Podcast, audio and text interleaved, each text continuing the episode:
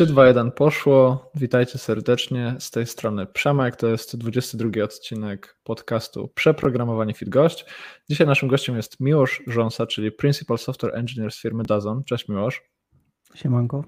Troszkę sobie wcześniej poplotkowaliśmy i okazało się, że ja i Miłosz wpadamy tutaj minutę po ostatnim spotkaniu, także była szybka kalibracja w taki tryb podcastowy.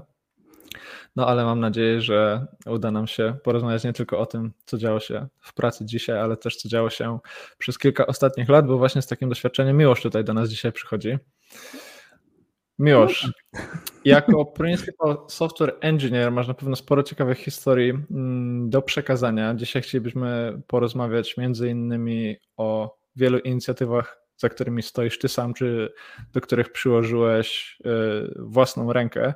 Natomiast na samym początku chciałbym Cię zapytać o Twoje doświadczenie podcastowe, bo z tego co wiem, to Ty, gościu, powinieneś mnie właściwie uczyć tego, co my tutaj robimy, zamiast po prostu tylko, wiesz, dopowiadać po mnie. Także Powiedz mi, jak to u Ciebie z tymi podcastami, bo kiedyś o tym rozmawialiśmy, wspomniałeś, że właśnie też miałeś doświadczenie z tego typu inicjatywami, ale, ale opowiedz coś więcej. Czy Ty jako programista uważasz, że warto się angażować w takie inicjatywy, czy, czy Tobie to pomagało, czy, czy jak to właściwie wyglądało?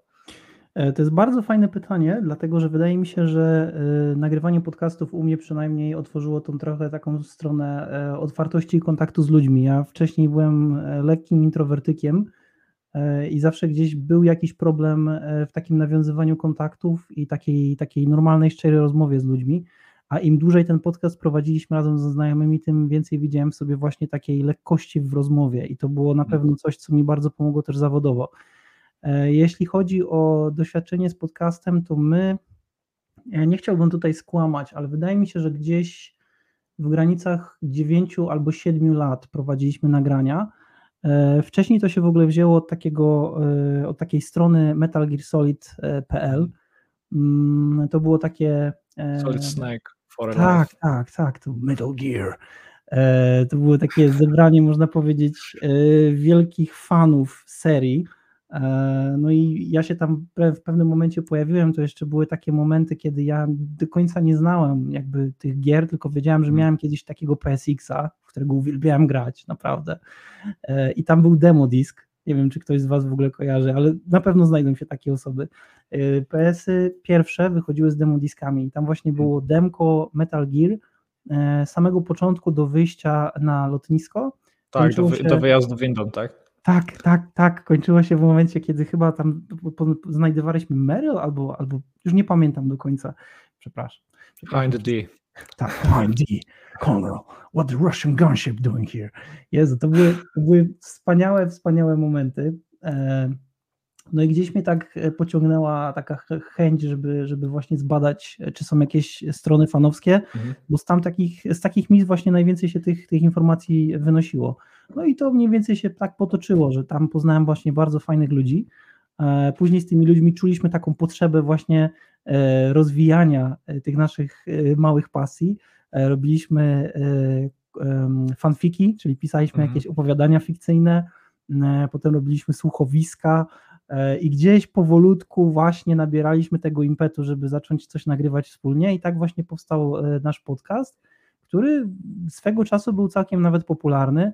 Myślę, że doszliśmy do takiej całkiem solidnej, mm, e, do takiej, takiego standardu solidnego, gdzie mieliśmy średnio około od 40 do 100 komentarzy pod podcastem i to nie były jakieś boty.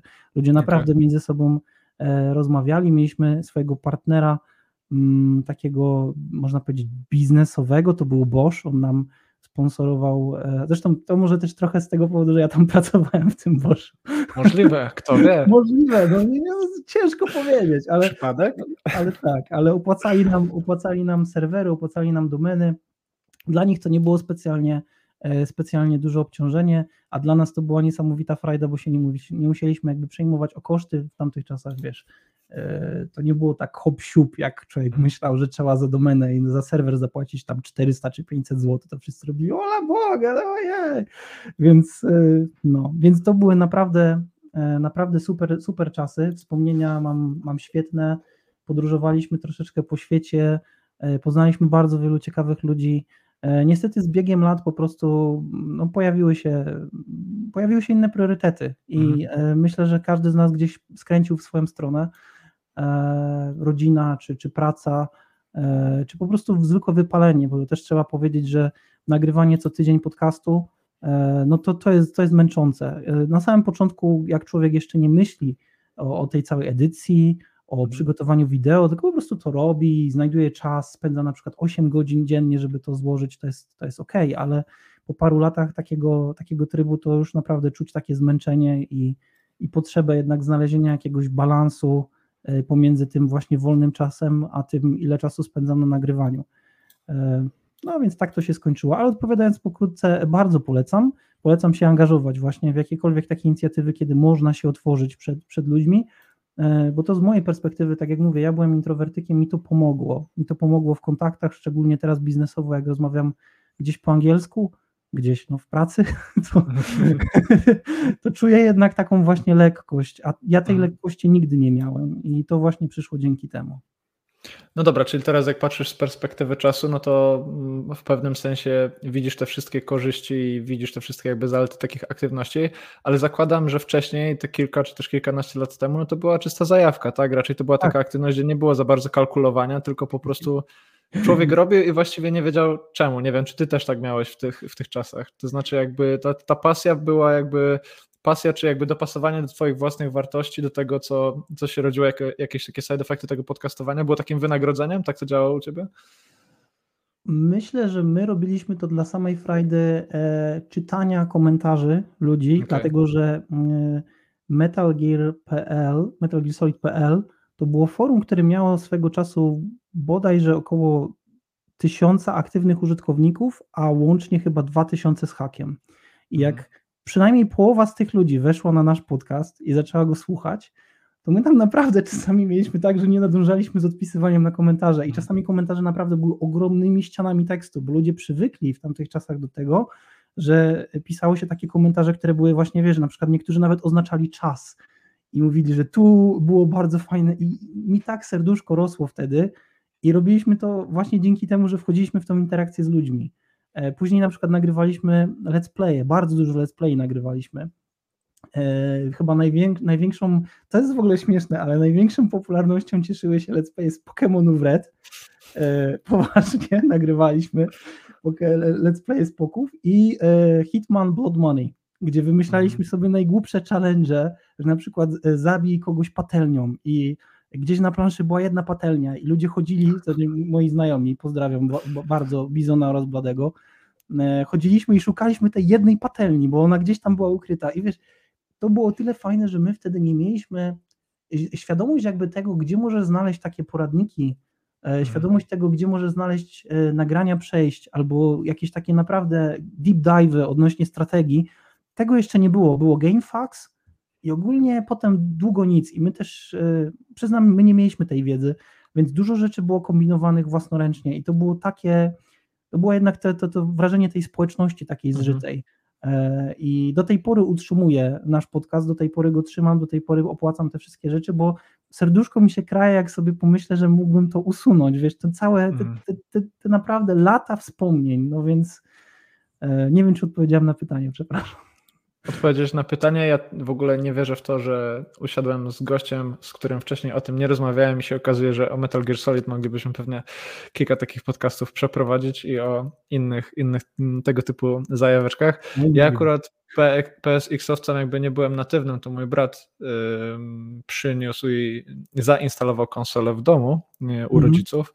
Ja byłem jakby takim młodszym bratem, który gdzieś tam spogląda przez ramię i uczy się tego angielskiego, wiesz, z, ja wybierając kolejne pozycje w menu Start Select i, i, tam inne takie pozycje, no ale Metal Gear Solid no to jest mhm. jednak tak. ważne miejsce w naszym sercu.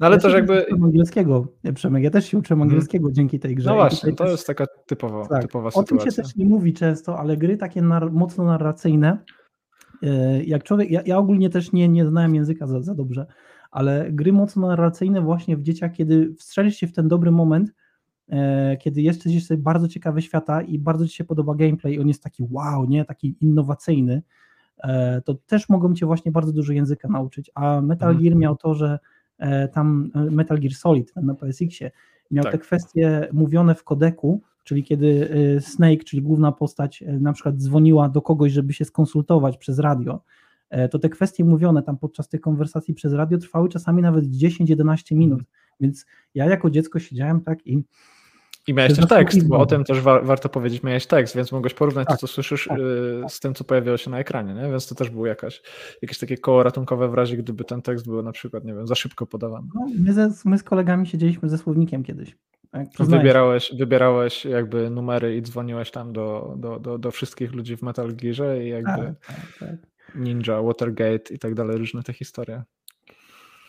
No, piękne czasy, ale jakby cała ta historia też pokazuje mi jedną rzecz, która też często się przewija w, w internecie, gdzieś tam w takich społecznościach, może związanych z przedsiębiorczością, z biznesem, a mianowicie to, że ty de facto zacząłeś ludziom pomagać, nagrywając te tutoriale, te instrukcje związane na przykład z przechodzeniem jakichś fragmentów w, w grze, z pokazywaniem ludziom, jak, jak sobie poradzić z jakimś fragmentem i i de facto to przyciągnęło ludzi. Jakby nie było żadnej większej filozofii, poza tym, że po prostu ktoś mógł coś od ciebie jakby wyciągnąć i to wystarczyło, żeby, żeby ci ludzie się pojawili. W zasadzie jest to proste, ale z drugiej strony no, często ludzie próbują jakby koło wymyślać na nowo, tak? Szukamy jakiegoś pomysłu na biznes, próbujemy, próbujemy mieć rozwiązanie, a potem dopasować do tego problem.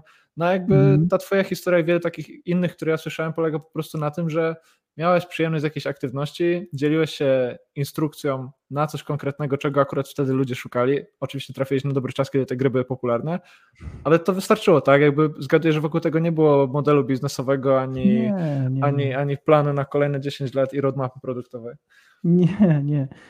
My, y, myślę, że takim, taką odpowiedzią kluczem y, jest to, że my robiliśmy to głównie dla dla tej społeczności kręcącej się wokół tej strony, o której wspomniałem. Mhm. E, I e, robiliśmy to dlatego, że to byli nasi znajomi, dlatego że e, posty na, na stronie w niektórych takich, można powiedzieć, topikach miały na przykład 30 tysięcy wiadomości. I my tam naprawdę wchodziliśmy, my się, my się bardzo dobrze znaliśmy. My robiliśmy zbiórki, na przykład jak koledze spalił się dach no już nie będę jakby wchodził w szczegóły, nie będę podawał imion, mm. ale robiliśmy te zbiórki jako, jako, jako takie dzieciaki. Robiliśmy sobie na mm. przykład y, zjazdy u Kula, to jest taki mój bardzo dobry znajomy Bartłomiej, który teraz wyjechał do, do Chin y, i jest nauczycielem języka angielskiego. W ogóle te wszystkie, wiesz, wszystkie jakby historie związane z tym, jak potoczyły się losy każdej z, z postaci osobna, E, każdego mojego znajomego są po prostu czasami nawet zaskakujące, bo niektórzy ludzie naprawdę zmienili całkowicie swoje życie. W życiu bym w ogóle nawet nie, ich teraz nie poznał pewnie, jakbym ich zobaczył. E, więc e, myślę, że modelu biznesowego nie było, była po prostu taka czysta braterskość między nami. Mhm. Po prostu my naprawdę, my naprawdę się bardzo, bardzo lubiliśmy jako ludzie. Wyjeżdżaliśmy, to nie były tylko spotkania tak jak teraz są na Discordzie, ale my naprawdę chcieliśmy się spotkać tak fizycznie. Urządzaliśmy sobie turnieje w Tekena, gdzie nikt nie potrafił grać w Tekena albo w Soul Calibur i przyjeżdżaliśmy do tego mojego kumpla Kula i siedzieliśmy tam u niego, jego mama robiła pizzę i, my, i to było moje, to było moje takie, takie, taki najfajniejszy okres w, dorastaniu, właśnie to poczucie tej, tej jedności z kumplami, gdzie na osiedlu nie było, nie, znaczy może ja się nie wychowałem w jakiś, nie mówię, że też bardzo, bardzo w kiepskim miejscu, ale nie wychowałem się w jakimś tam fascynującym osiedlu, gdzie było, było dużo fajnych zajęć albo fajnych ludzi, a jednak to mi dawało takie poczucie takiego e, e, eskapizmu, nie wiem czy dobrze użyłem mm. słowa, ale jednak takiej właśnie takiego odejścia od... Tryb offline może trochę rzeczy. też, tak? Mm. Taki tryb offline od takiej bieżączki, którą jakby tak. często, często spotykamy. Mm, jeśli byśmy teraz jakby przewinęli trochę tą, tą taśmę i poszli do przodu i zerknęlibyśmy na całe Twoje doświadczenie, no to chociażby po LinkedInie zobaczymy, że jednak Ty sporo już świata zobaczyłeś, jeśli chodzi o chociażby świat, świat IT, tak? Więc zaczęliśmy trochę od podcastów, ale jakby Twoja przygoda z programowaniem, Twoja przygoda z IT, no to jest kawał historii. Powiedz mi, czy Ciebie coś jeszcze w tej branży zaskakuje w jakikolwiek sposób, czy, Ludzie czy widziałeś już dużo? Zazwyczaj ludzie, ale to myślę, że każdy może tak powiedzieć. E, od strony e, kodu to już raczej nic, przyznam.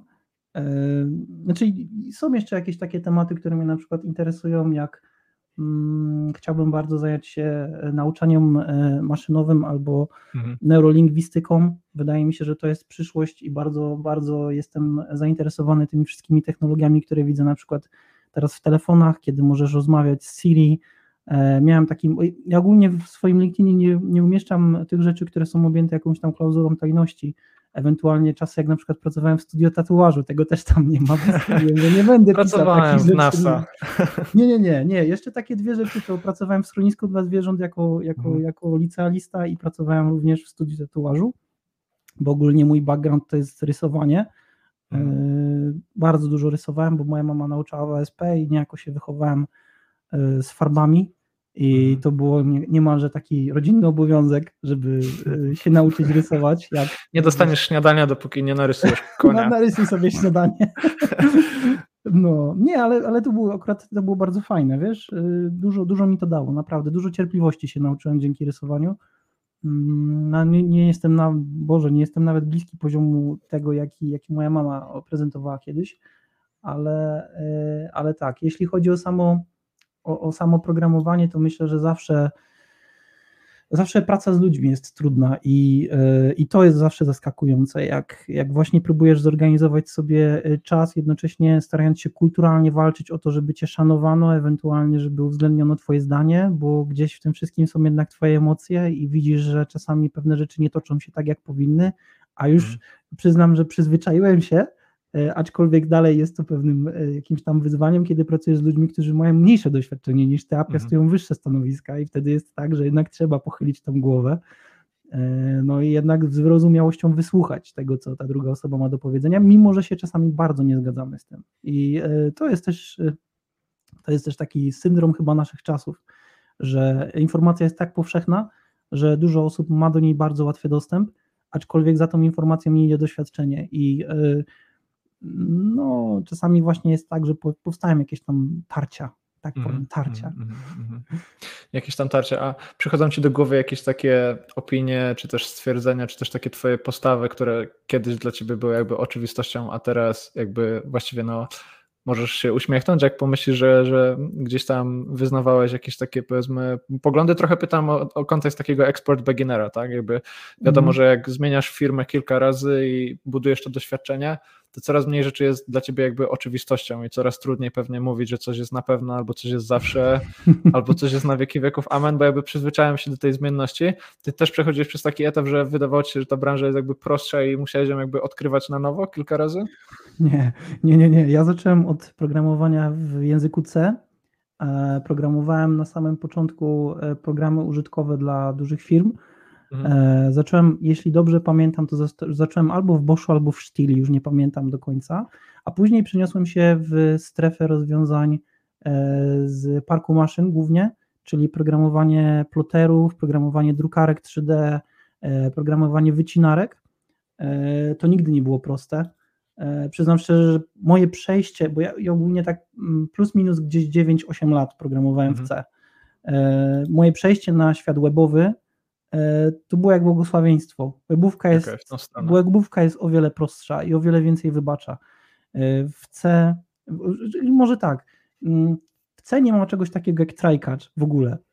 Mhm. E, w C ogólnie jest bardzo, bardzo, bardzo, bardzo ograniczony mm, zestaw narzędzi, które możesz wykorzystywać. E, więc naprawdę trzeba bardzo mocno przemyśleć swoje rozwiązania, szczególnie jeśli maszyny na przykład, które mamy z Włoch, mają ograniczoną pamięć, ograniczoną przepustowość i naprawdę zaczynasz się rozbijać na przykład o problem tego, że wysyłasz, wykro... na przykład masz jakiś wykrojnik, czyli powiedzmy taką część, która będzie ci wykrajać jakiś kształt w gąbce i ty mhm. wysyłasz te poligony, czy właściwie te kształty tego, jak ona ma polecieć, żeby, żeby ci coś wykroić. Mhm. I nagle okazuje się, że tych y, ruchów tego, tej głowicy z nożem jest za dużo.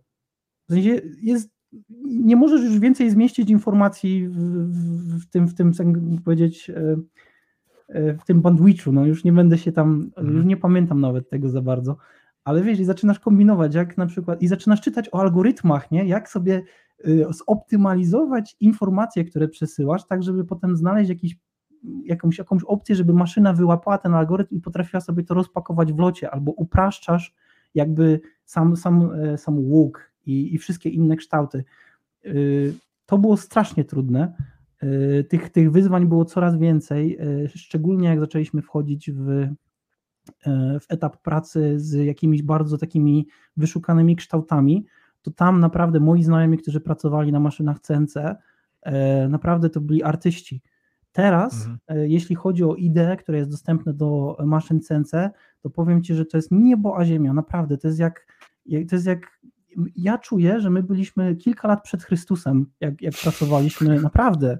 My, my w Polsce, maszyny, które mieliśmy w Polsce na strefach ekonomicznych, e, były naprawdę bardzo stare. One nie były na mhm. poziomie tego, co było wtedy dostępne, tylko naprawdę to były importowane takie biedne maszyny. W ogóle jeszcze to były takie stare komputery, wiesz, takie grzejące się. Jak uruchomiałeś ten komputer, to słyszałeś, że ten wiatrak robi. Wtedy wiedziałeś, że on jest uruchomiony. Więc to były, to były bardzo, ba, bardzo źle to wspominam. I... Teraz wszyscy nasi słuchacze sprawdzają, czy to właśnie pralka czy zmywarka się odpaliła w tle.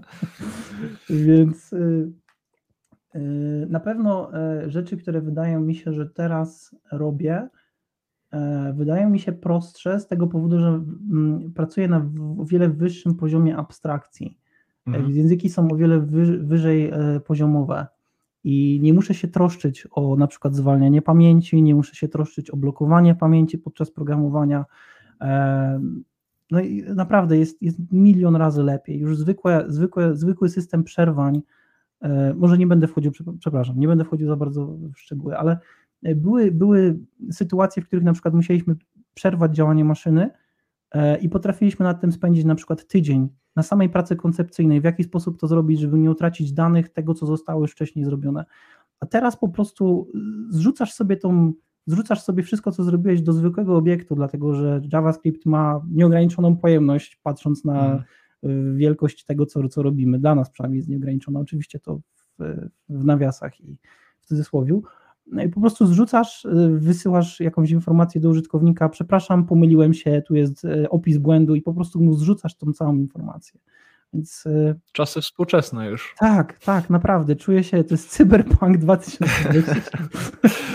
No dobra, no to zróbmy sobie teraz taki fast forward. Wspomnimy w kilku słowach o mm, partnerze tego odcinka i patronie tygodnia na przeprogramowanych, który, którym właśnie jest firma Dazon, w której razem z Miłoszem pracujemy.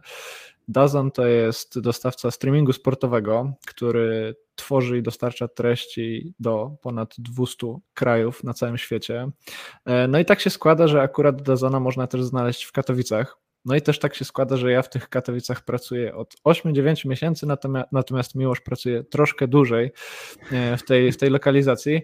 Miłosz, chciałem Ciebie zapytać, jak wygląda Twoja przygoda z Dazonem, jak wyglądają Twoje doświadczenia. No teraz zajmujesz praktycznie jedno z najwyższych stanowisk, jeśli chodzi o tą ścieżkę indywidualnego kontrybutora, jesteś Principal Software Engineerem, natomiast y, zakładam i wiem o tym, że po prostu tak nie było na samym początku, także pytanie, czy mógłbyś dla nas tutaj, dla słuchaczy zrobić taki mały timeline i, i przedstawić tę Twoją historię dołączenia do Dazona i jakby też tego, jak Ty się rozwijałeś w tej firmie. Dziękuję bardzo za to pytanie. um, więc ja dostałem się do Dazona e, przez pośrednika, jakim był C. E, szukałem wtedy pracy, byłem, no można powiedzieć, że byłem trochę zrezygnowany po, mojej, e, po moim poprzednim pracodawcy i miałem takie, o Boże, niech coś się dobrego trafi. Bez podawania, no i, może nas. Oczywiście, oczywiście, bez, bez, bez, bez, bez. Um, tak. I e, tylko nie wchodźcie na LinkedIn. No i e, trafił się Dazon.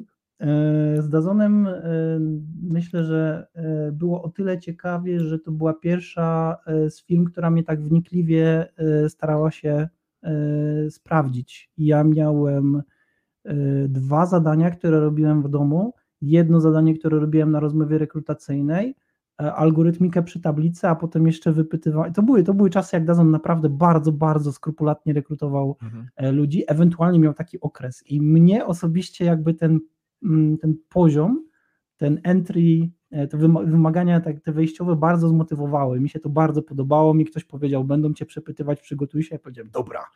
I wiesz, i zacząłem się przygotowywać. Jak ten Solid Snake. No, tak. no i um, trafiłem na pozycję Senior Software Engineer a, JavaScriptowego, programując w JavaScriptie dwa lata i się tak bardzo niepewnie czułem z tym JavaScriptem, przyznaję. E, to była dla mnie zupełna nowość. E, znaczy, pr pracowałem troszeczkę w JavaScriptie wcześniej, ale też trafiłem na świetnych ludzi tam, e, naprawdę. Pod strzechy New HTML5 Platforms, e, miałem tam Artura i Damiana, których pozdrawiam, bardzo dużo się od nich nauczyłem i oni tak naprawdę wprowadzili mnie trochę w ten świat pracy z urządzeniami, które znajdują się w salonach, czyli tam living room devices.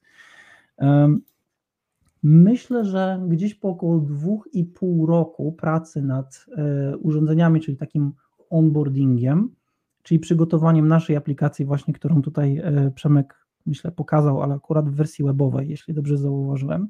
E, dwóch... Ale tą wersję, tę wersję też lubimy, nie ma co. My jesteśmy tak, tak, tak. ale też lubimy. Oczywiście, jasne. Więc gdzieś po około dwóch i pół roku pojawił się taki pomysł na to, żeby napisać, e, napisać mechanizm, czy właściwie framework do testowania na tych właśnie urządzeniach, bo to było dość skomplikowane a właściwie nawet może trochę wcześniej, po dwóch latach mniej więcej mhm. pracy, mm. albo, albo jeszcze wcześniej, już nawet nie pamiętam, nie sięgam pamięcią tak daleko. I zaczęliśmy pisać ten framework, nazwaliśmy go Test Automation Framework e, i on spełniał e, dwie zasadnicze, dwa zasadnicze zadania. Pierwsza, pierwsze zadanie to było, że uruchamiał się na praktycznie dowolnym urządzeniu living roomowym, mm. działając razem z Dazonem. Druga, po prostu taka niemalże idealna cecha tego, tego TAFA, to było to, że on był niesamowicie lekki. Mhm. Pozwalał na uruchamianie wszystkich takich standardowych narzędzi do testowania, czy właściwie funkcji testujących, na przykład sprawdzenie, czy na stronie coś się wyświetla, wyszukanie tekstu, wyczyszczeniu pamięci podręcznej, ale jednocześnie był leciutki, naprawdę. On w tamtym czasie jeśli dobrze pamiętam, jego pierwsza wersja ważyła gdzieś około 50 kilobajtów. E, I my mhm. wtedy jeszcze nawet się nie zajmowaliśmy specjalnie mimifikacją. Mhm. Po prostu 50 kilo. Aktualnie teraz chyba uderzyliśmy w 200 po dwóch latach działania nad, nad tym TAF-em, aczkolwiek teraz TAF oferuje no, kilka razy więcej niż TAF, który był wcześniej. Mm, więc pracowaliśmy sobie nad tym TAF-em i wkrótce po tym, jak go opublikowaliśmy i zaczęliśmy się trochę zajmować takim utrzymaniem e, tego narzędzia, e, to pojawiła się gdzieś taka nisza na to, żeby e, no, skonstruować, stworzyć zespół, który będzie się zajmował docelowo właśnie tylko i wyłącznie tym, bo to jednak było bardzo zajmujące. My zamiast onboardować urządzenia, co też robiliśmy, częściej odpowiadaliśmy na pytanie, jak korzystać z TAFA, ewentualnie jak pisać testy na TAFie, jak go autoryzować, jak go parować i tak dalej, i tak. E, więc powstał taki zespół, który się nazywał TestOps. E, I w tym zespole ja z początku w ogóle się nie pojawiłem, bo stwierdziłem, e, tam nad TAFem tylko, to, to tam mało tak, wolę se tu siedzieć. No i e, chłopaki tam, zresztą z mojego zespołu, przeszli trochę do test opców, zaczęli się zajmować TAFem i ja wkrótce później odezwałem się w tamtym czasie, czyli do ówczesnego headów QA. Powiedziałem mu, słuchaj, wiesz co, mam taki pomysł, chodzi mi po głowie stworzenie czegoś takiego jak e, wirtualny pilot do tych telewizorów. E, chciałbym, e, chciałbym mieć możliwość sterowania takim telewizorem siedząc w domu, a jednocześnie oglądając wideo przez cały czas, czyli widząc, co się dzieje na telewizorze, ale w czasie rzeczywistym. Chciałbym zminimalizować tą latencję do naprawdę, no, no, tam są tysięczne chyba sekundy czy setne sekundy, więc e, to jest praktycznie niezauważalne dla takiego typowego użytkownika.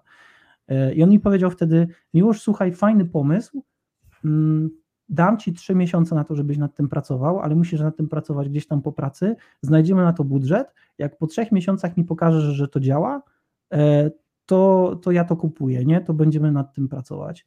No i faktycznie tak to wyglądało, że ja po pracy przychodziłem do domu, robiłem tak i zacząłem pisać.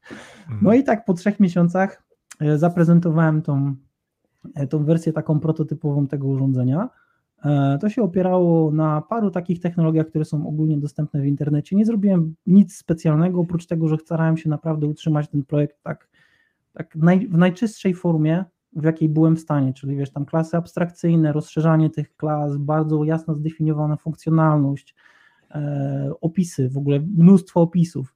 E, sam, samo, stworzyłem samo jedno repozytorium, gdzie, był sam, gdzie były same manuale, jak sobie przygotować w ogóle środowisko i ono ma mhm. chyba z 80 podpage'y, więc to jest naprawdę mnóstwo czytania. Czy książkę napisałeś de facto? E, no, Troszkę tak, ale teraz można to już wyrzucić, bo nic, większość z tego nie działa, ewentualnie większość z nie jest potrzebna, ale jakiś tam rys historyczny zawsze zostaje. Um, przeszedłem do test opsów e, i zacząłem się zajmować właśnie tym wirtualnym pilotem, gdzie mieliśmy bardzo dobrą e, trakcję. Ogólnie to się bardzo mocno podłapało, dlatego że ja jeździłem na Arduino Day e, i Raspberry Day i w ogóle o tym opowiadałem ludziom, którzy byli zainteresowani i zauważyłem, że więcej zainteresowania e, budził właśnie wirtualny pilot e, niż na przykład nauczanie maszynowe stworzone na Arduino. Mm. Pokazałem ludziom, jak zbudować taki koncepcyjny model nauczania, znaczy koncepcyjny, no prawdziwy model nauczania, który był swoją drogą bardzo prosty prezentowałeś e, kolorki, kartoniki z kolorkami przed e, Arduino, które miało kamerkę i ono w pewnym momencie, jak zaprogramowałeś mu guziczkiem, że ma rozpoznawać zielony, no to zaczęło rozpoznawać mhm. zielony, pokazywałem zrzuty z pamięci, znajdowaliśmy miejsce, które właśnie było odpowiedzialne za zapisanie sobie tego zielonego koloru i pokazywaliśmy proces, jak on zaczyna rozumieć, że ten zielony to jest właśnie zielony i o ten kolor ci chodzi. Ja sobie myślałem, nie no, ludzie to kupią, nie? To będzie dla nich fascynujące, bo wszyscy myśleli wtedy w tamtych czasach, to było dwa lata temu, półtora roku temu, że, że to nauczanie maszynowe i ten tam ta sztuczna inteligencja to jest taki po prostu jest taki mistycyzm niemalże.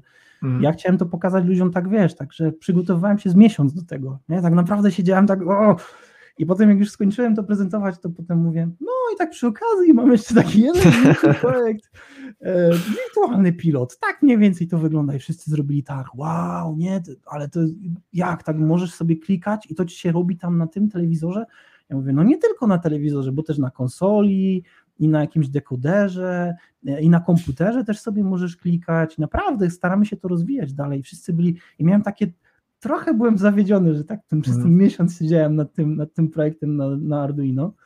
Um, no, ale to było, to było bardzo fajne. To było naprawdę bardzo fajne i zobaczyliśmy, że e, coraz więcej ludzi w samym Dazonie e, jest zainteresowanych, to, zainteresowanych zainteresowani, są zainteresowani tą technologią. E, to doprowadziło mniej więcej do momentu, w którym zacząłem przejmować taką trochę rolę zarządzania zespołem, no i awansowano mnie na staff inżyniera, e, gdzie jakby skala moich odpowiedzialności się nie zmieniła w ogóle. E, dalej robiłem dokładnie to samo, tylko po prostu miałem inny przyrostek, przedrostek, przepraszam, przed, przed imieniem i nazwiskiem. Bardzo miło, naprawdę doceniam. No a później doszliśmy do etapu, w którym e, integrowałem tego TAFA i integrowałem wirtualnego pilota na różnych innych e, platformach. E, robiłem jakieś tam badania takie koncepcyjne, co możemy zrobić na przykład na telewizorach z Androidem, co możemy zrobić na iOSie. Wykonałem jedną integrację dla takiego zespołu, który używał zupełnie innego języka. No i gdzieś można, można powiedzieć, że to się przekuło na ten awans, ale myślę, na tego principala, ale myślę, że bardzo wiele z tego raczej e, zawdzięczam nie samej pracy z kodem, tylko właściwie koordynacji działania różnych zespołów i e, takiego ogarniania chaosu trochę, mhm. albo też zarządzania oczekiwaniami. Czyli sprawiałeś, że rzeczy się działy, jakby tak. Starałem się, ale dziękuję. dziękuję. Starałem się, Przemek. Bardzo, bardzo się starałem. Myślę, że więcej mi się nie udało niż mi się udało, ale najwyraźniej ktoś docenił nawet tą małą cząstkę tego, co mi wyszło. Jasne, no i dobra, wspomniałeś, wspomniałeś o dwóch y, narzędziach, wspomniałeś o TAFie, wspomniałeś o wirtualnym pilocie. Mm, chciałbym, żebyśmy za chwileczkę zeszli jeszcze poziom niżej, żebyś nam tutaj wytłumaczył konkretnie, z jakich może takich bloków się składają obie te rzeczy, czy powiedzmy, jak wygląda jakiś taki stack techniczny.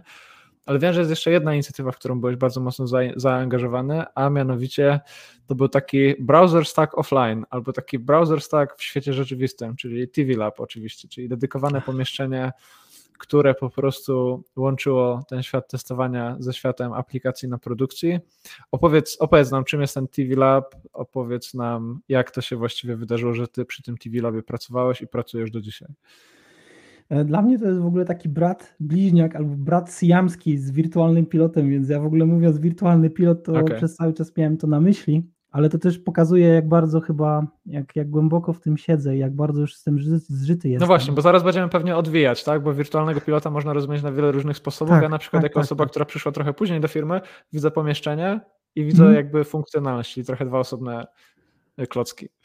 Mm TV Lab to była mm, inicjatywa, żeby w ogóle trzymać urządzenia, które są testopsowe, nad którymi będzie można właśnie pracować z wirtualnym pilotem. Czyli e, z początku wszystko było, do tej pory trochę jest, takie RD, e, więc nie mieliśmy jakby gotowej skrzynki, wiesz, nie była, nie była skrzynka z napisem wirtualny pilot i my tą skrzynkę ci dawaliśmy, ty ją kładłeś obok telewizora i nagle wszystko działało. To wszystko było, wiesz, połączone kabelkami, gdzieś tam jakaś trytytka się pojawiała, klej gorący, więc um, no tak to wygląda nawet do teraz, więc um, my potrzebowaliśmy pomieszczenia, żeby to wszystko sobie bezpiecznie leżało i żeby nikt tego nie ruszał. No i właśnie tak mhm. pojawiła się e, inicjatywa TV Labo, który zresztą był, to był pokój do specjalnych zadań, o których nie mogę mówić, ale jeszcze zanim ktokolwiek wiedział, że będą pewne wersje konsol wypuszczane, to my już je mieliśmy i musieliśmy nad nimi pracować. No i e, tak też właśnie do, doczekaliśmy się TV Labu.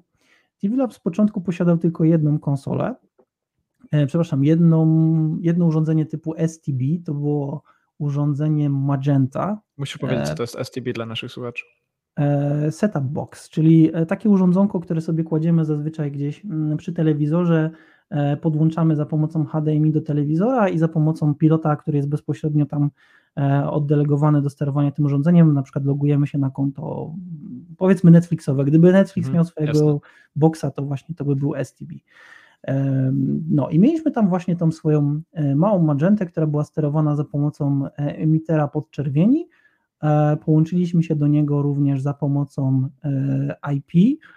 Zalegowaliśmy się w ogóle gdzieś tam na, na, na powłokę systemową i wydawaliśmy komendy odpalania i zatrzymywania urządzenia, co w ogóle było, e, przepraszam, e, aplikacji, co było w ogóle z niesamowitą pracą R&D, bo odkrywaliśmy w jaki sposób producent robi to z poziomu z poziomu IDE, UI-a, który jest wyświetlany mhm. Dla użytkownika, więc to naprawdę były, ja to wspominam niesamowicie, że mówię my, ale to na samym początku to byłem tylko ja, siedziałem właśnie i sprawdzałem, co się dzieje, i sprawdzałem sobie syslogi, jaki program był uruchamiany, i to była, wiesz, taka gra trochę jak łapanie Jasona Burna. Nie wiesz, gdzie jest, i musisz go znaleźć, i musisz mhm. sprawdzić, co tutaj nie pasuje, co jest takie nietypowe w zachowaniu, więc porównywałem sobie logi tego, jak system nic nie robi i co się dzieje, jak coś się dzieje. E, no, więc zaczęliśmy od tego.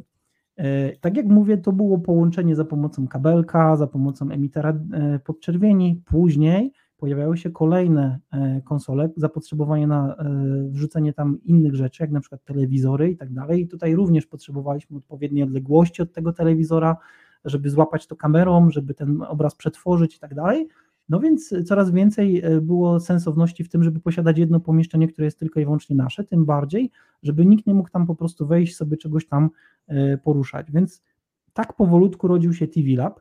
Rodził się w bólach, dlatego że ta praca była niesamowicie wymagająca czasowo. E, my nie mieliśmy żadnego przeszkolenia, więc to było no, uczenie się na swoich własnych błędach. Ale ostatecznie mamy teraz tak, że mamy dwa raki z telewizorami, jedną taką półkę wypchaną po brzegi, już tak naprawdę będziemy musieli zamawiać kolejną, pięciopiętrową półkę, na której na każdej z półek znajduje się no tyle, ile jesteśmy w stanie tam wcisnąć tych, tych, tych konsol, czy tych STB-ków, czy czegokolwiek.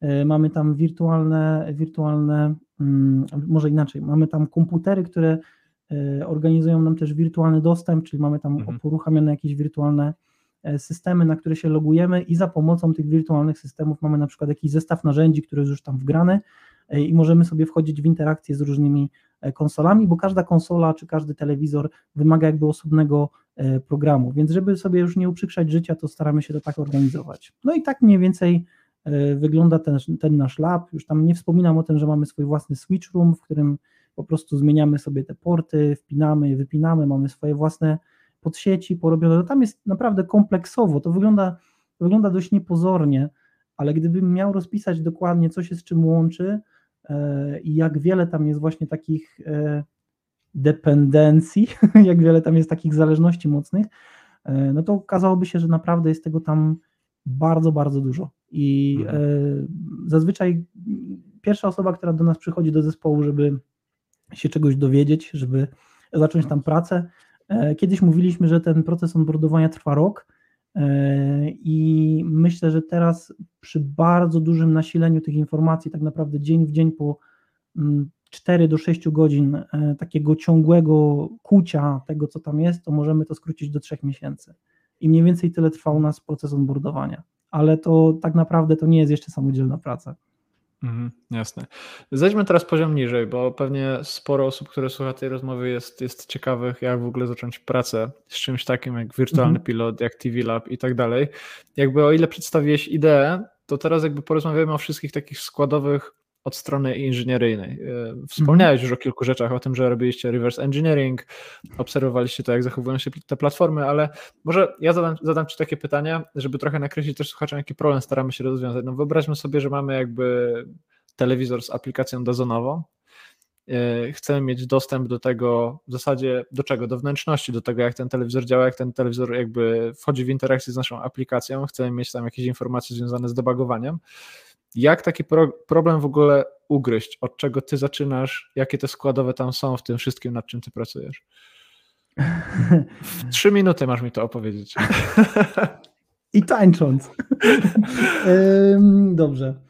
Um, czekaj, mogę sobie odpalić nawet, nawet stoper w trakcie, jak będziemy rozmawiać. E, jak ja to rozwiązuję? Pierwsza rzecz to jest sprawdzenie wszystkich e, protokołów komunikacyjnych. E, jakiekolwiek są. I jest ich na zazwyczaj bardzo, bardzo dużo, e, więc e, proces sprawdzenia tych wszystkich protokołów jest stosunkowo skomplikowany. Czemu? Bo, bo większość z nich nie jest dobrze udokumentowana. Jakby lwią część platform, które wspieramy, stanowią platformy, które mm, są dość stare. Mhm. Użytkownicy nie zmieniają często swoich telewizorów. O tym trzeba, tak, tak. o tym się nie myśli, ale o tym trzeba też pamiętać, kiedy, kiedy się pracuje nad takimi rzeczami. Więc lwia część tego, co my supportujemy, to są telewizory, które są naprawdę stare. One mogą mhm. mieć genialne wyświetlacze. Naprawdę. I na przykład Sony jest znane z tego, że w swoich modelach telewizorów tych z wyższej półki ma naprawdę bardzo dobre jakościowo, bardzo dobre jakościowo matryce ale niekoniecznie ten system już jest taki jakiś, mhm. wiesz, zwinny. Niekoniecznie mamy też dużą Nie ilość pamięci RAM, tak, albo silne, silne procesory, więc są bardzo mocne ograniczenia. I kiedy chcemy onboardować takie urządzenie, albo kiedy pracujemy nad takim urządzeniem, to y, znalezienie odpowiedniej dokumentacji jest dość skomplikowane. Ja pamiętam, przeglądałem dokumentację, która była po japońsku z tłumaczem Google i ona nie była przetłumaczona na angielski. Bo ogólnie mhm. Japończycy, co było dla mnie stosunkowo zaskakujące, oni nie mają potrzeby uczenia się japońskiego w niektórych takich rejonach swojej techniki. E, I, japońskiego czy angielskiego? Przepraszam, angielskiego. Japoński, okay. japoński muszą znać. Tak. tak. I, e, I to było dla mnie zaskakujące na przykład, że, że, że pewnych informacji nie ma. Albo na przykład praca nad urządzeniem, gdzie zgłaszasz się do producenta i mówisz, siemanko chłopaki, możecie mi pomóc, dlatego że chciałbym tylko wiedzieć jedną rzecz. E, czy mamy możliwość połączenia się z tym urządzeniem tak, żeby nim sterować? I odpowiedź jest, e, przepraszam, my zleciliśmy wykonanie całego systemu innej firmie. A czy możecie mi dać kontakt do tej firmy? Jasne, proszę. Piszesz do tej firmy i mówisz, siemanko chłopaki, dokładnie to samo. Oni odpisują, wiesz co, my robiliśmy tylko i wyłącznie integrację. E, mhm. dlatego, że. Outsourcing comes into play. Tak, podsystem był robiony przez firmę A. E, okay. Jakby integracja e, playera, czy tam możliwości odtwarzania playbacku była robiona przez firmę B. Ktoś jeszcze się zajmował czymś innym, i nagle zaczynasz sobie uświadamiać, że ten system jest strasznie nie, niepoukładany. To nie jest, to nie jest GitHub, gdzie masz mhm. jasno sprecyzowanych kontrybutorów, możesz do nich napisać, powiedzieć, ej, albo założyć issue w ogóle, i oni to widzą, jeśli dostają maila i mówią, o kolego, przepraszamy, już to naprawiam. Nie, to tak nie wygląda. Więc w pierwszej kolejności sprawdzasz wszelkie możliwości połączenia się z urządzeniem. Sprawdzam mhm. sobie czas, bo mówiłeś trzy minutki. Nie ma sprawy, to jest jakby, wiesz, y, cudzysłów, także... Mam 14 sekund. Kontynuuję, spoko, spoko. Czyli w sumie tyle. Tyle ci jak powiedzieć. Cześć. Dzięki mi ale, ale będzie słychać kaczkę, będzie słychać kaczkę. Więc y, po sprawdzeniu czegoś takiego anuluj. Po sprawdzeniu czegoś takiego dochodzimy do etapu, w którym musimy się e, jakby określić z tym, jak będziemy się z tym urządzeniem łączyć i czy potrzebujemy jakiegoś third party, e, czyli na przykład Zwykle staramy się to robić za pomocą systemów opartych na Linuxie, czyli tworzymy sobie mhm. jakąś tam maszynę, która, która działa nam na Linuxie, która będzie operowała jakby całą tą infrastrukturą, ale na przykład są takie, są takie połączenia, są takie systemy, które wymagają Windowsa, dlatego że binarka, która, która na przykład pozwala Ci się połączyć z tym urządzeniem, działa tylko i wyłącznie na Windowsie. Koronnym przykładem takiego zachowania jest PlayStation. PlayStation 4 i PlayStation 5 posiada swoje IDE, e, które umożliwia Ci połączyć się z konsolą i umożliwia Ci nią sterować, ale napisane tylko pod Windowsa. I jakby nie ma planów na to, żeby to przenieść w jakikolwiek, nie ma też planów na to, żeby uruchomić e, Orbis e, w trybie terminala. Być może da się jakieś niektóre pomniejsze części, ale w większości wszystko jest robione przez IDE, więc naprawdę jest bardzo dużo pracy w tym, żeby na przykład tworzyć swego, swego rodzaju automatory, które rozpoznają na przykład kontekstowość wyświetlania tego, co jest na ekranie, rozpoznają na przykład tekst, analizują to za pomocą, e, to się nazywa chyba Winbox, ale już nie pamiętam, mhm. gdzie możesz y, analizować jakby treści danych okienek, dlatego że Windows podpowiada ci, kiedy masz na przykład jakieś, e, jakąś lekką niepełnosprawność, E, podpowiada ci, co jest wyświetlane za pomocą czytania, więc możesz się wpiąć w to mhm. API i nagle z prostego problemu, jak na przykład uruchomienie aplikacji, robić się przebieżka po wszystkich możliwych rzeczach, które są w systemie. I to naprawdę to teraz brzmi trochę, może trochę jak, jak dużo, jak, jak, jak takie przytłaczające, ale uwierzcie mi, że tego jest znacznie więcej. Mhm. I no, to jest mniej więcej właśnie onboardowanie urządzeń. To jest ciągła walka. Są systemy, które są pięknie napisane, tak jak na przykład Xbox, gdzie naprawdę widać, że robili to ludzie dla ludzi, ale aczkolwiek one też mają pewne swoje zaszłości, jak na przykład stare API, które nie zostało usunięte y, i y, gdzie, gdzie nowe API zostało napisane na starym i teraz masz dwa i możesz sobie wybrać, mm. z którego chcesz korzystać. Y, oba realizują podobne funkcje, aczkolwiek jedno jest przydatne do innych rzeczy. Niemniej pozostaje jakaś taka właśnie, jakaś taka jakaś taka zaszłość historyczna w tych konsolach, która czasami wydaje się trochę nieusprawiedliwiona jakby, więc my mamy swoje ułomności i widać, że ci ludzie tam też, oni też są ludźmi, oni też mają swoje problemy i im mhm. też się czasami nie chce. To też widać, że czasami dostajesz dwusetkę jako, jako, jako integer, a czasami dostajesz dwusetkę w stringu, a czasami dostajesz po prostu OK. I to mhm. jakby nie wiesz dlaczego, po prostu przygotowujesz się na trzy przypadki. Więc tak właśnie wygląda onboardowanie. Jest śmiesznie czasami, ale czasami też człowiek roni, roni łzę, roni łzę. Tak, i wtedy właśnie łapiemy się pod rękę, idziemy na kawkę i szukamy jakiejś okazji na to, żeby się wentylować. Powiedziałeś, mm. powiedziałeś na początku naszej rozmowy, że jest mm, spory przeskok, jeśli chodzi o poziom trudności pomiędzy światem weba, a takim światem właśnie hardware'owo embedded. Um, powiedzmy coś więcej właśnie o tych Twoich doświadczeniach też pracy z urządzeniami jako taką po prostu kategorią tego software engineeringu, bo chociażby taka rzecz jak zbrykowanie urządzenia Mhm. to jest coś takiego, czego po prostu z przeglądarką no raczej nie zrobimy, tak? To znaczy można gdzieś tam spowodować, że ta karta się y, przytnie, no ale wiadomo, w przeglądarkach mamy jakieś tam sandboxy i tak dalej, te nasze aplikacje są tam ochuchane, odmuchane, no ale raczej komputera nie spalisz przez to, że powiedzmy troszkę JavaScriptu mhm. tam napisałeś w zły sposób. Natomiast przy hardware'ze, co już wielokrotnie widziałem, chociaż jestem w tej firmie no dobrych kilka miesięcy, no przy hardware'ze to ryzyko jest trochę większe, tak? Więc może, może opowiedz coś o tym, jak ty widzisz tą pracę z hardwarem, na ile ten mindset musi być inny, czy to jest kwestia trochę wiesz, cierpliwości, czy tak jak mówisz, już po prostu dużo się naoglądałeś, więc masz dystans do tego wszystkiego, jak, jak wygląda praca z urządzeniami, co na ten temat możesz powiedzieć? W kontekście Dazona, czy w kontekście całej mojej kariery? W kontekście całej twojej kariery. Okej.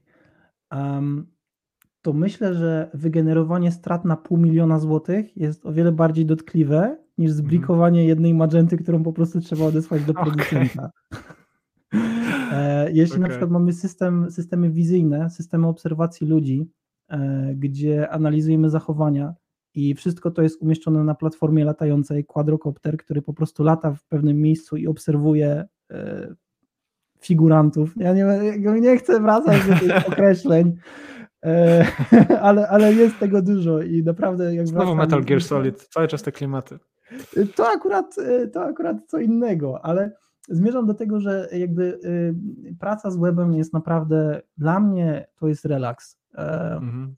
Jak na przykład robiliśmy właśnie tak jak powiedziałem, e, analizowanie e, wzorców zachowań u ludzi, którzy się na przykład kręcili jakoś, wiesz, tak, coś chcieli, coś nie wiadomo co, o co im chodziło, e, to jakby sam fakt tego, że analizujesz w takim dronie zachowanie człowieka i w razie czego jakby on chciał zrobić coś nie, niefajnego, to wysyłasz taką informację gdzieś tam do ochrony, że mhm. słuchaj, wokół, no nie będę już mówił czego, ale musicie mi zaufać, że to było dość istotne.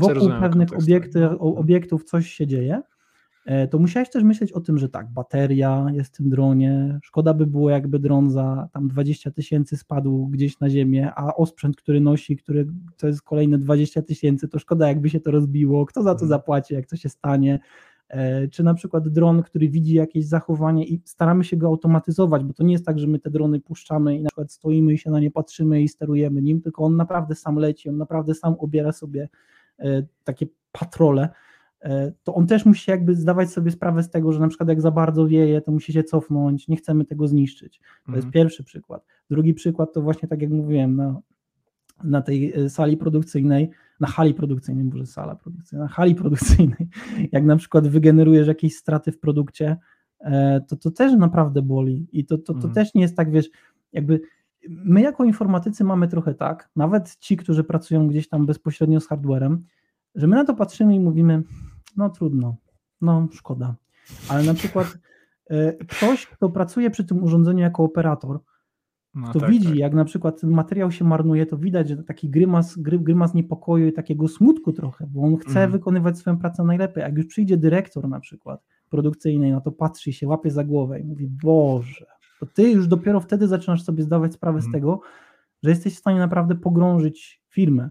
Więc praca mhm. z hardwarem jest na pewnym poziomie jest niesamowicie trudna. Ja mam znajomego, który zajmuje się programowaniem, oprogramowywaniem silników, którego poznałem dawno, dawno temu. I on tworzy programy, jakby mapy silników. I to mm. nie mapy silników, jak jedziesz sobie na program, na chipa, tylko on jakby jest w tej jednej firmie, której nie będę teraz wymieniał, mm. i mhm. on, jak sobie wsiadasz do swojego samochodu, no to wiesz, on tam po prostu jakby modyfikuje to, jak ten samochód się zachowuje. No jak on się pomyli, to też mm. boli. No bo można na przykład uszkodzić silnik, nie? I to już też są takie namacalne straty.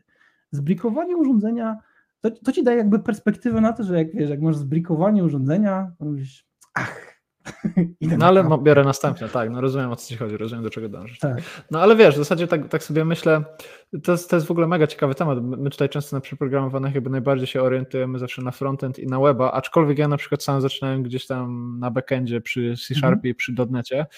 Mm, czasami, czasami widzimy, że po prostu jeśli programiści wchodzą na rynek z perspektywą przeglądarki i niczego więcej jakby w tym trwają, to na pewnym etapie zaczyna brakować takiego dystansu, takiego zdrowego dystansu do tego, co się, co się robi, jakby co się może zepsuć, jakby jaki jest poziom trudności. I jakby myślę, że to jest właśnie ogromna wartość budowania tego całego kapitału kariery, o którym też czasami tutaj u nas na kanale mówimy, bo jakby łapiesz ten dystans, tak? Jakby zaczynasz rozumieć, zaczynasz być bardziej empatyczny, zaczynasz rozumieć, że problemy w innych domenach mogą być trudniejsze od tych, które na przykład ty rozwiązujesz. Zyskujesz po prostu taki szacunek.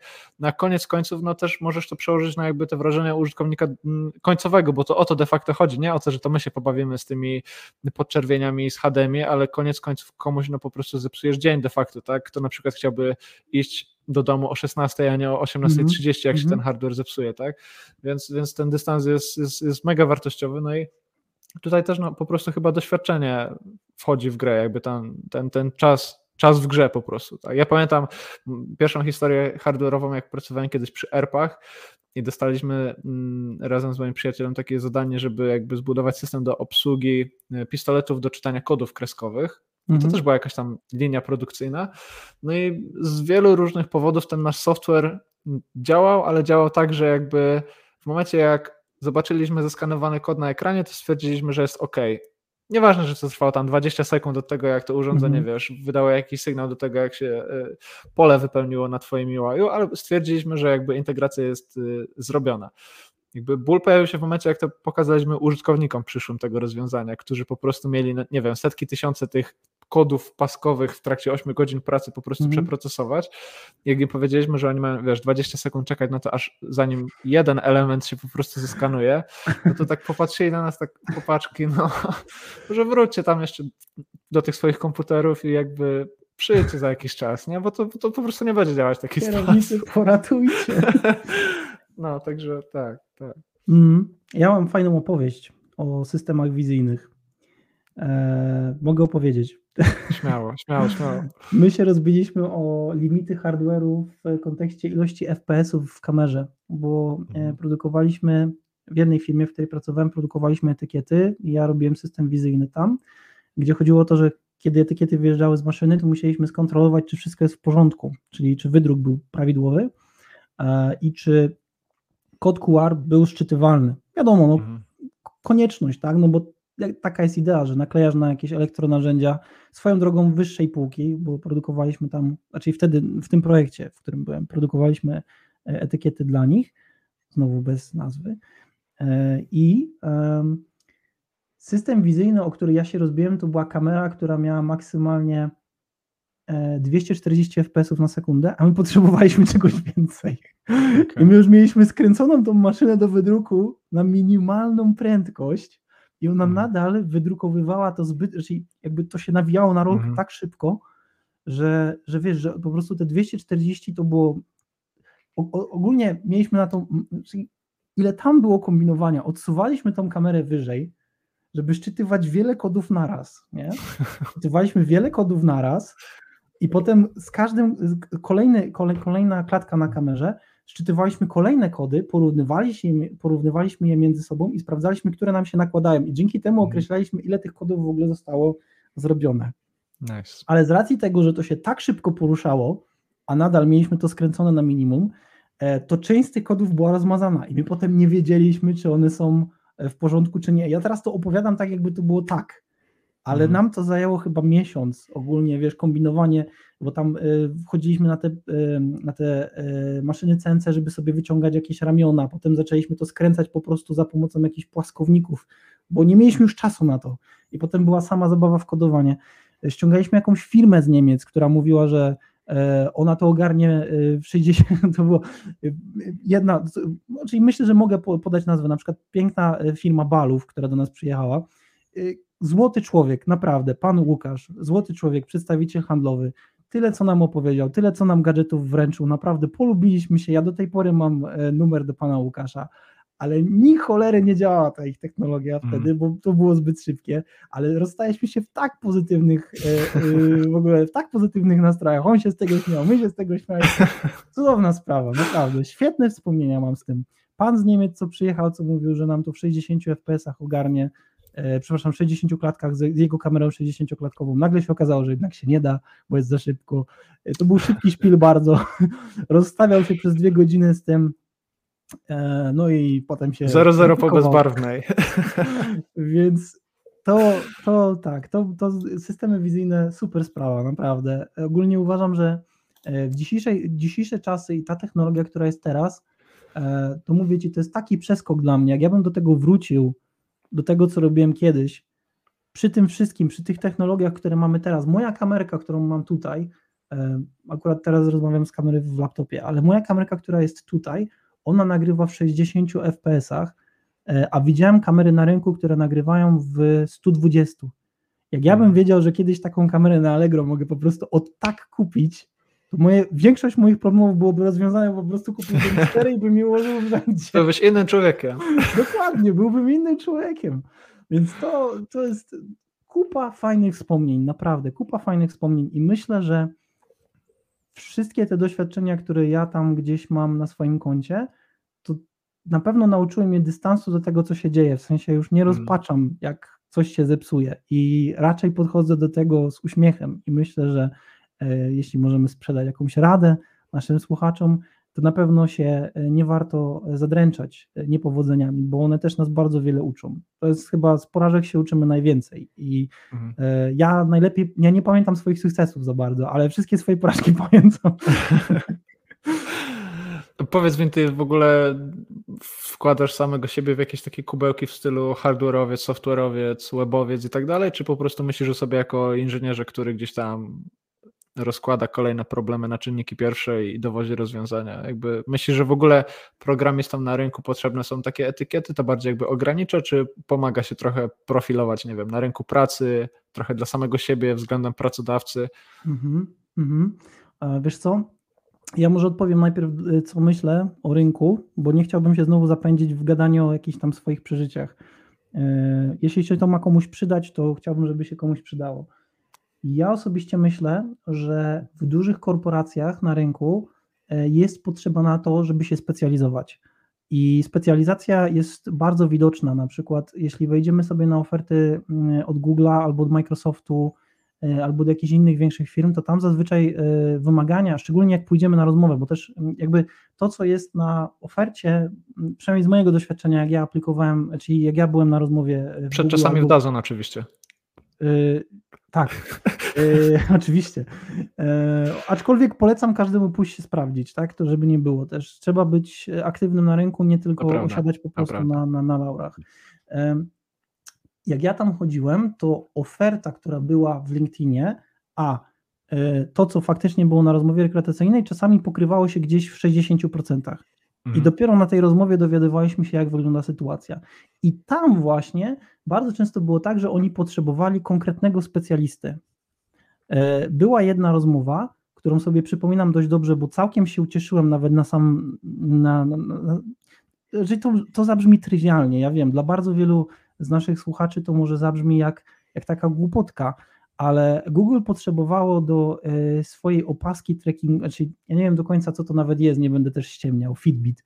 Potrzebowali inżyniera, który dobrze określi, e, kiedy podnosimy tą łapkę, żeby mhm. to się nam rozświetliło. I Taki health tracker, taka opaska. Tak, tak, tak, tak, tak. I głównie chodziło o to, żeby właśnie dobrze rozkminić, kiedy podnosisz tą rękę i na przykład rozpoznać ruch, kiedy na przykład biegniesz, kiedy pływasz i tak mhm. dalej. Specjalizacja, konkretna rzecz, której oni potrzebowali, Oczywiście krótki projekt, bo wiadomo, jak duże, duże firmy bardzo często tak robią, że szukają sobie kogoś na konkretnie zrealizowane zadanie, szczególnie to jest popularne w Ameryce i w UK, a później, jeśli dobrze nam idzie, no to podpisują z Tobą kontrakt na na przykład rok albo półtora i robią ewaluację pracownika po, po zakończeniu umowy. To jest, to jest standardowy proces. E, więc specjalizacja pod kątem konkretnych, konkretnych rzeczy jest bardzo, bardzo korzystna aktualnie na rynku pracy. E, kiedyś dawno temu było tak, że musiałeś być specem od wszystkiego, nawet od stołka. Jak trzeba było wziąć stołek, to musiałeś wiedzieć od kogo możesz i kiedy go zwrócić. Teraz nie, ale poważnie, ja wiem, że to brzmi śmiesznie, ale tak, tak to wyglądało. Czasy zamierzchłych, zamierzchłych e, takich początków IT e, w mhm. Polsce, ale tak było, że wiesz, była jedna drukarka i było parę osób w filmie, które wiedziały, jak ją obsługiwać. E, teraz możesz się wyspecjalizować i ta specjalizacja naprawdę bardzo mocno procentuje architekci, e, architekci, którzy na przykład rozwiązują problemy e, mm, takie czysto koncepcyjne, jak na przykład jak powinna wyglądać e, komunikacja w, w, w projekcie, opierałem się na przykład na, na AWS-ie bardzo mocno, na, na event busach, albo na SQS-ach, albo na czymkolwiek. I nawet jeśli to jest proste dla niektórych z nas, to na rynku pracy taka specjalizacja jest bardzo, bardzo mocno wynagradzana, naprawdę. Jeśli na przykład chcemy iść oczywiście w tym kierunku. Jasne, można być lekarzem dusz i można być y, takim, taką osobą, która po prostu przychodzi do zespołu i mówi: Słuchaj, Przemek, co u ciebie, jak się czujesz? I jednocześnie jest też tym y, inżynierem, y, też sobie programuje. Ja myślę, że ja poniekąd taką funkcję trochę sprawuję. Mhm. To się zaczęło od czasów, jak byłem staffem E, gdzie niejako też, można powiedzieć, dublowałem menadżera e, swojego. I myślę, że to też nie jest może do końca na dłuższą metę zdrowe dla niektórych ludzi, e, bo na pewno wchodzi trochę jakby w, w tą odpowiedzialność, czy może wchodzi w drogę tej odpowiedzialności inżyniera. Po prostu masz mniej czasu, żeby coś robić, bo ktoś do ciebie przychodzi i mówi, Przemek, słuchaj, no dzisiaj się naprawdę słabo czuję. I ty mówisz, co się dzieje?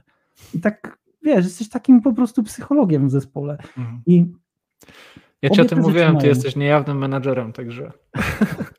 obie te rzeczy mają, y, obie te rzeczy mają zastosowanie, obie te rzeczy są potrzebne. E, mhm. Ja osobiście nie wiem, ile już rekrutacji mam na koncie, ale bardzo dużo. Myślę, że to idzie, czyli to już na pewno przebiło 150. Już mhm. nie, nie, pamiętam nawet, ile, ile tego było.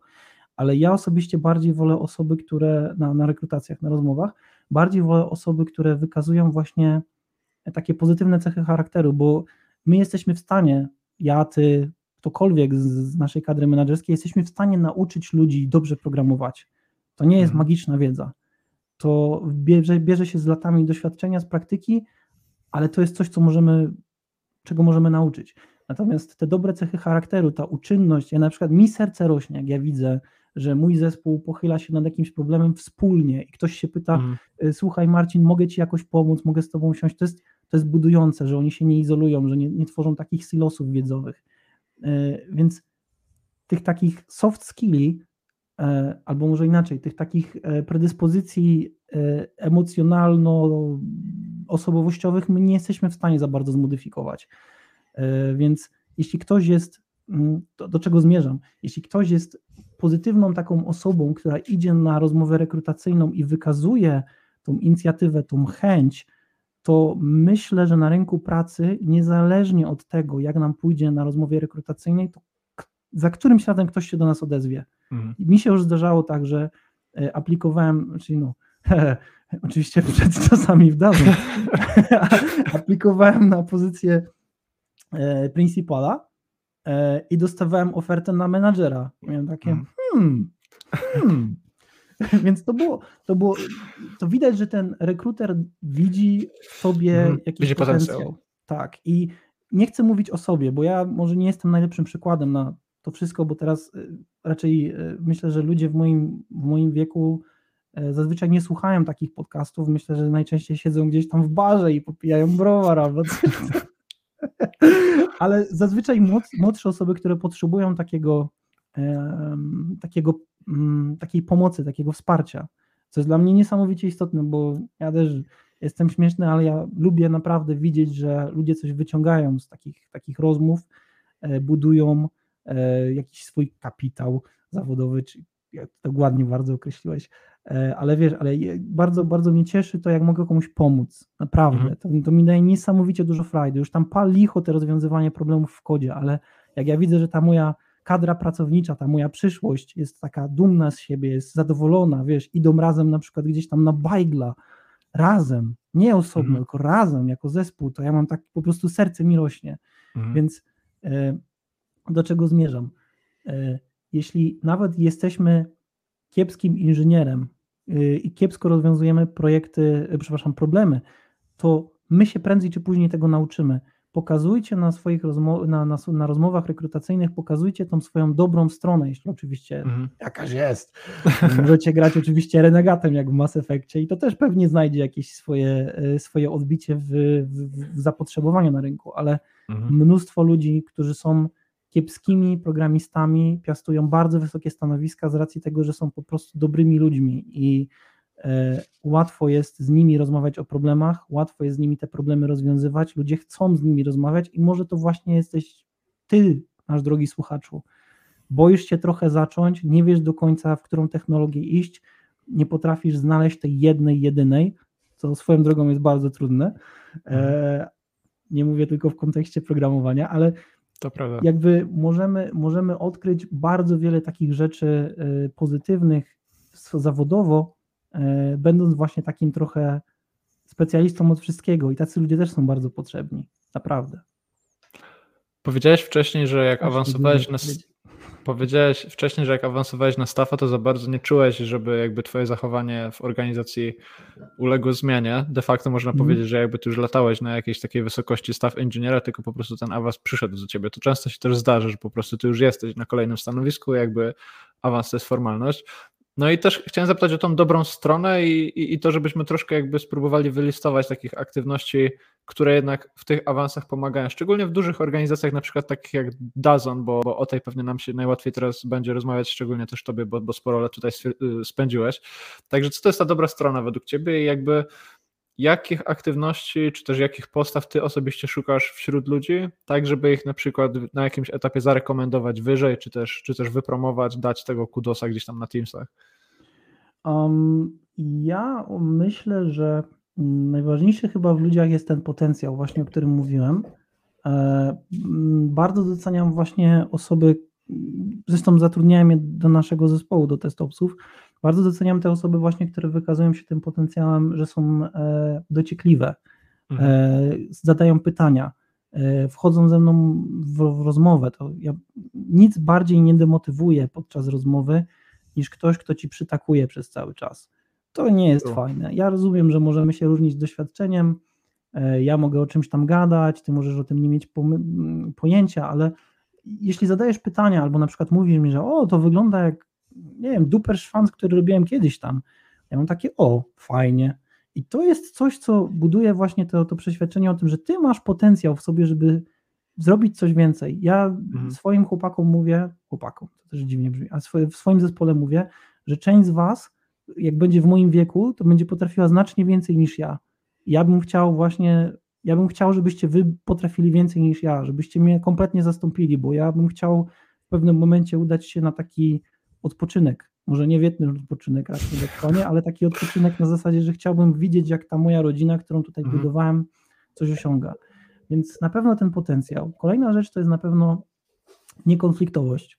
E, mhm. No, nie zgodziłbym się w ogóle na to, żeby mieć kogoś w zespole, kto ma nierozwiązane jakieś sprawy swoje wewnętrzne. Więc jeśli ktoś ma, to polecam po prostu pójść na jakieś sesje tam do psychoterapeuty czy do psychologa, poznać siebie, zrozumieć, co nas denerwuje, E, dlaczego, może czasami jest tak, że ludzie na przykład, może ktoś sobie z Was zadaje takie pytanie, ja na przykład przerobiłem to mnóstwo razy e, i myślę, że dość dobrze siebie poznałem, ale łatwo jest zadać sobie pytanie, dlaczego ja mam tak mało znajomych i dlaczego ktoś, kogo znam, ma tak dużo znajomych i tak dużo ludzi się wokół niego kręci.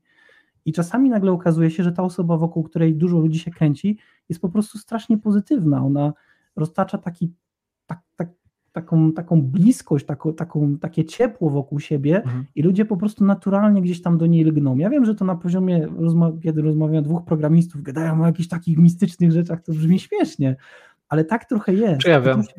No. raczej, raczej, raczej bym się zgodził, nie? Jakby fajnie, fajnie, fajne jest to, że wychodzimy poza ten kod, bo jednak... Cieszę się, cieszę się. Bo jednak. kod jest ogólnie, wiesz, kod to jest kopiuj wklej czasami. Jakby o dokumentacji można poczytać, nie? Ale my też zawsze wychodziliśmy tak. tutaj na przeprogramowanych z takiego założenia, że dokumentację masz i jakby to jest coś, do czego dojdziesz sam, natomiast doświadczenie czy jakieś takie obserwacje ludzi, którzy są w tej branży dłużej od ciebie, no to jakby tego często nie znajdziesz w sieci, nie? Mhm. Często to znajdziesz na jakichś programach mentoringowych, na jakichś sesjach coachingowych, ale albo za to zapłacisz grubą kasę, albo po prostu nigdy tego nie znajdziesz, nigdy, nigdy jakby do tego nie, gdzieś tam nie dosięgniesz, więc ja się mhm. bardzo cieszę, że jakby wchodzisz, wchodzisz w takie tematy, więc, więc mówiłeś o tej niekonfliktowości i ja ci tak chamsko przerwałem, pytanie, czy coś jeszcze ci przychodzi do głowy. Jest coś jeszcze? Masz dowód? To, wystarczy, to wystarczy, tak? Nie, nie, nie, nie, ja e, myślę, że coś jeszcze tam znajdę. E, ta niekonfliktowość i otwartość e, to, jest, to są na pewno dwie takie dość istotne rzeczy. Myślę, że taką kolejną rzeczą jest na pewno to jest coś, nad czym możemy pracować. E, to jest taka klarowność wypowiedzi. Mhm. Ja poznałem dwie osoby tutaj w Dezonie, które są naprawdę bardzo dobrymi e, specjalistami, są świetnymi programistami, ale ni cholery nie potrafię zrozumieć, jak coś do mnie mówią. W sensie mówią bardzo często w sposób zagmatwany mhm. i mówią tak, jak myślą. Czyli mhm. ten tok myśli, który jest w głowie tutaj, który się przekłada na bardzo ładny kod, to jest dokładnie ten sam tok myśli, ten słowotok, który słyszysz, mhm. kiedy z nimi rozmawiasz. I to jest bardzo dużym problemem na wyższym poziomie, szczególnie jak zaczynasz rozmawiać na przykład gdzieś tam z menadżerami czy z jakimiś SVP-ami, nie wiem jak to nawet odmienić, ale to są ludzie, którzy wiesz, działają na tym poziomie biznesowym, oni potrzebują, żeby ktoś do nich klarownie powiedział, tyle zarobimy, tyle jesteśmy w stanie, nie wiem, wydać, albo tyle mamy zamiar wydać, taki będzie profit margin i tak dalej, i tak dalej. Jeśli chcemy iść dalej w karierze e, programisty, programisty jakiegoś technicznego, czy programisty menadżera, czy menadżera, to na pewno musimy mieć tą jasność w wypowiedzi, bo nie tyle będziemy rozmawiać codziennie z jakimiś CEO, CTO, ale będziemy rozmawiać też z naszym zespołem. I fajnie jest, jak w krótkich żołnierskich zdaniach jesteśmy w stanie wytłumaczyć nasz problem podczas daily że ja nie muszę powiedzieć, ok, dobra chłopaki, to może dzwońcie się po, mhm. bo gadamy już o tym 10 minut i ja nic z tego nie rozumiem. To jest też fajne, bo ludzie, którzy mają tą jasność wypowiedzi, piszą bardzo fajne komentarze i piszą dobrą dokumentację, a dokumentacja to jest, jak wiadomo, holy grail w całym programowaniu. Więc yy, to są takie, takie, takie trzy rzeczy, które na pewno zwracają moją uwagę. Oczywiście, jak jesteś dobrym specjalistą, e, to też jest super. Jak ja wrzucam w ciebie jakieś zadanie, a ty potrafisz je rozwiązać, albo mówisz mi na bieżąco, co myślisz, trochę jak na kursie prawa jazdy, jak egzaminator mhm. ci mówi, ale niech pan chociaż mówi, co pan myśli. No to tutaj widzę, że jest zakaz wjazdu, więc tutaj nie wjadę, to włączę lewy kierunkowskaz, bo jest nakaz skrętu w lewo. I pan egzaminator wtedy cię słucha i mówi, ok, on nie jest bęcwałem, on widzi mhm. i potrafi przeanalizować to, co się dzieje. Na rozmowach y, rekrutacyjnych dobrze jest, jak kandydat mówi o tych rzeczach, y, które właśnie analizuje. Mówi, kurczę, widziałem kiedyś podobną funkcję, myślę coś tam, coś tam. No nie jestem w stanie teraz mhm. tego zagrać tak na żywo, ale wiecie o co chodzi. E, więc to są na pewno fajne rzeczy. Jak jesteś właśnie dobrym specjalistą, który jasno, jasno jest w stanie wytłumaczyć problem. No i humor. Humor, ja naprawdę uważam, że w IT jest trochę za duże spięcie gaci. Dobrze by było, jakby ludzie potrafili się wychillować. Naprawdę. Ja zbudowałem bardzo fajne relacje z ludźmi, w ogóle z zupełnie innych działów. Ja mam świetne kontakty z finansami, mam bardzo dobre kontakty z service deskiem, z facility. E, no naprawdę, no z facility to wiadomo. E, mam naprawdę, uważam, że budowanie relacji w ogóle w firmie to jest klucz do sukcesu, bo jeśli masz dobry small talk, też głupio brzmi, tak jakby to było narzędzie, które wyłączamy w momencie wejścia do domu i po prostu już więcej o tym nie myślimy, ale jeśli potrafisz rozmawiać z ludźmi, jeśli masz masz takich przyjaciół, potrafisz zaprzyjaźnić tych ludzi, to naprawdę zajdziesz bardzo daleko. Więc e, to na pewno są takie rzeczy, na które ja zwracam uwagę i które uważam, są takim kluczem do sukcesu w firmie. Tutaj myślę, że niektóre osoby wpadają w taką pułapkę, gdzie jakby to wszystko utożsamiają z pewnego rodzaju jakby wyrachowaniem, tak? To znaczy, że jeśli ty się posługujesz small talkiem, to pewnie masz jakieś nieczyste intencje, chciałbyś coś ode mnie, albo powiedzmy mm -hmm. chcesz mi coś sprzedać I to jest jakby mocno związane jakby z naszą kulturą. My na pewno w Polsce nie jesteśmy przyzwyczajeni do tego, żeby luźno rozpoczynać rozmowy i po prostu gdzieś tam dwoma, trzema zdaniami pytać o to, jak ci minął weekend, tylko dlatego, żeby o to zapytać, a niekoniecznie, żeby rozmawiać, jak ci minął weekend, bo mm. o to mhm. często w small, talku, w small talku chodzi. No ale, ale tak jak mówisz, no chodzi o to jednak, żeby, żeby zjednywać ludzi i budować tą, tą siatkę. O tym tutaj też inne osoby w naszym podcaście często mówiły, to znaczy jak chcesz iść wyżej, to jednak ta, ta siatka, ten, ten network mhm. jakby po prostu musimy, musimy mieć, tak. tak? To jest taka tak. siatka de facto bezpieczeństwa, która cię uratuje albo po prostu pomoże, no bo ty masz 8 godzin i jakieś tam ograniczenia też związane z energią. Jako na przykład przyszły menadżer też musisz się nauczyć delegować, a to na jakimś tam poziomie zaufania się musi jednak odbywać, tak? Więc, więc, więc te relacje no to jest na pewno coś, co nas e, ratuje i nam pomaga. Ja sobie ostatnio myślałem o takiej o takiej metaforze, powiedzmy, takiego wykresu umiejętności, jaką często mamy, jaki często mamy w RPGach albo w FIFA. W FIFA to na przykład dobrze widać, że jakby piłkarz jest dobry nie tylko wtedy jakby jak strzela, ale też jak ma, wiesz, defense, jakiś tam mhm. tackle, speed, mm -hmm. dribbling i tak dalej. I wydaje mi się, że to też jest taka ciekawa perspektywa, którą warto mieć na uwadze, że jakby ten skill techniczny w programowaniu to jest ok, jeden wymiar, natomiast tak, 5, 6 tak. innych to jest czarna dziura, tak? I teraz jakby tak. przez te kolejne lata i przez te kolejne projekty trochę taką zdrapkę jakby y, zdrapujesz i odkrywasz, ok, trzeba jednak rozmawiać z ludźmi, kurczę, trzeba się komunikować, no ciekawe, ciekawe co jeszcze trzeba robić. No. Przemek, oglądałeś Silicon Valley może? Oglądałem, tak, tak. Okej, okay, no to tam był główny bohater. Ja nie będę ogólnie bez jakichkolwiek spoilerów, jeśli ktoś z nas nie, nie tak. ktoś z naszych słuchaczy nie oglądał. Tam jest główny bohater, który ma ewidentnie problemy z jasnym e, i takim biznesowym sprzedawaniem informacji, ale ma swojego kolegę, kumpla, który po prostu jest jest, jest hustlerem. Jest hustlerem. Jest po prostu jest genialny i on właśnie służy za jego takie największe wsparcie na mhm. przestrzeni zdobywania E, nowych, e, nowych klientów, nowych, nowych dofinansowań. I to mniej więcej można przełożyć trochę na naszą karierę, karierę, przepraszam, że w momencie, w którym my nie jesteśmy w stanie, i to teraz zabrzmi okropnie, ale nie jesteśmy w stanie się sprzedać, w sensie pokazać się z dobrej strony, zawiązać właśnie te relacje, e, zbudować zaufanie. Jeśli tego nie jesteśmy w stanie zrobić, jeśli, jeśli to po prostu nam nie wychodzi, to bardzo ciężko będzie niestety rozwijać się zawodowo, bo ostatecznie najczęściej awans wygląda w ten sposób, że e, na przykład ktoś przychodzi do Przemka i mówi: Przemek, co ty myślisz o tym Miłoszu? I ktoś hmm. przychodzi do Maxa i pyta: Max, co ty myślisz o tym Miłoszu? Awans zazwyczaj nie wygląda tak, że jedna osoba podejmuje decyzję, tylko wypowiada się parę. najbliższych współpracowników oceniają nas pod kątem zaangażowania, pod kątem umiejętności.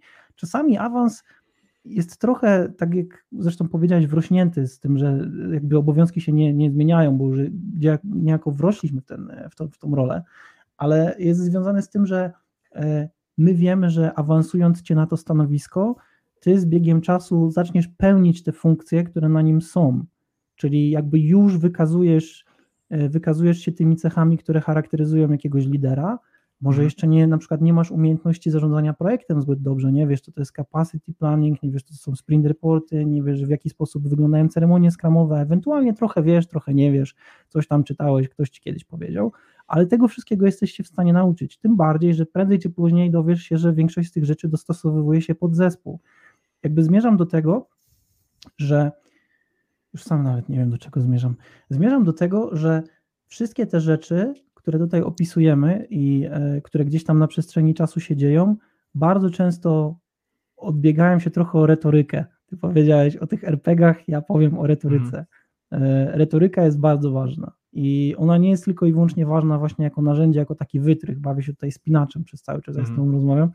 E, to nie jest taki wytrych, że wkładamy do zamka i po prostu go odkładamy i już go więcej nie wykorzystujemy. Retoryka to jest coś, co pozwala nam przejść e, przez skill checki bezkonfliktowo. Nie musimy walczyć, dlatego że możemy rozwiązać coś e, polubownie i to jest niesamowicie, niesamowicie w IT ważne, naprawdę. Poproszenie o pomoc i spotkanie się z odzewem ze strony kolegów takich, że wszyscy nagle zaczynają pomagać i każdy zespół mówi, słuchaj Przemek, bez problemu, nie, jasne, stary, umówimy się, nie wiem, za umówimy się za 20 minut. Mhm. I to jest, i to, to jest niesamowite. Więc y, ja, się, ja się nauczyłem od ludzi, którzy wiedzą więcej niż ja. Ja im bardzo mocno za to dziękowałem.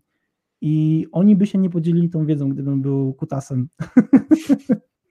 Znaczy, I mam, myślę, nadzieję, jest... mam nadzieję, że nie jestem. To teraz głupio zabrzmiało, ale no, ale, ale, ale podzielili się, tak? Czyli może jednak nie byłem taki straszny. Miłosz, myślę, że to jest świetny moment, żeby powoli zajechać czy dopłynąć do brzegu. Możemy mhm. troszkę podpromować to, co w Katowicach e, i to, co właśnie dzieje się w Dazonie, no bo my aktywnie rekrutujemy, szukamy programistów, szukamy menedżerów, product managerów.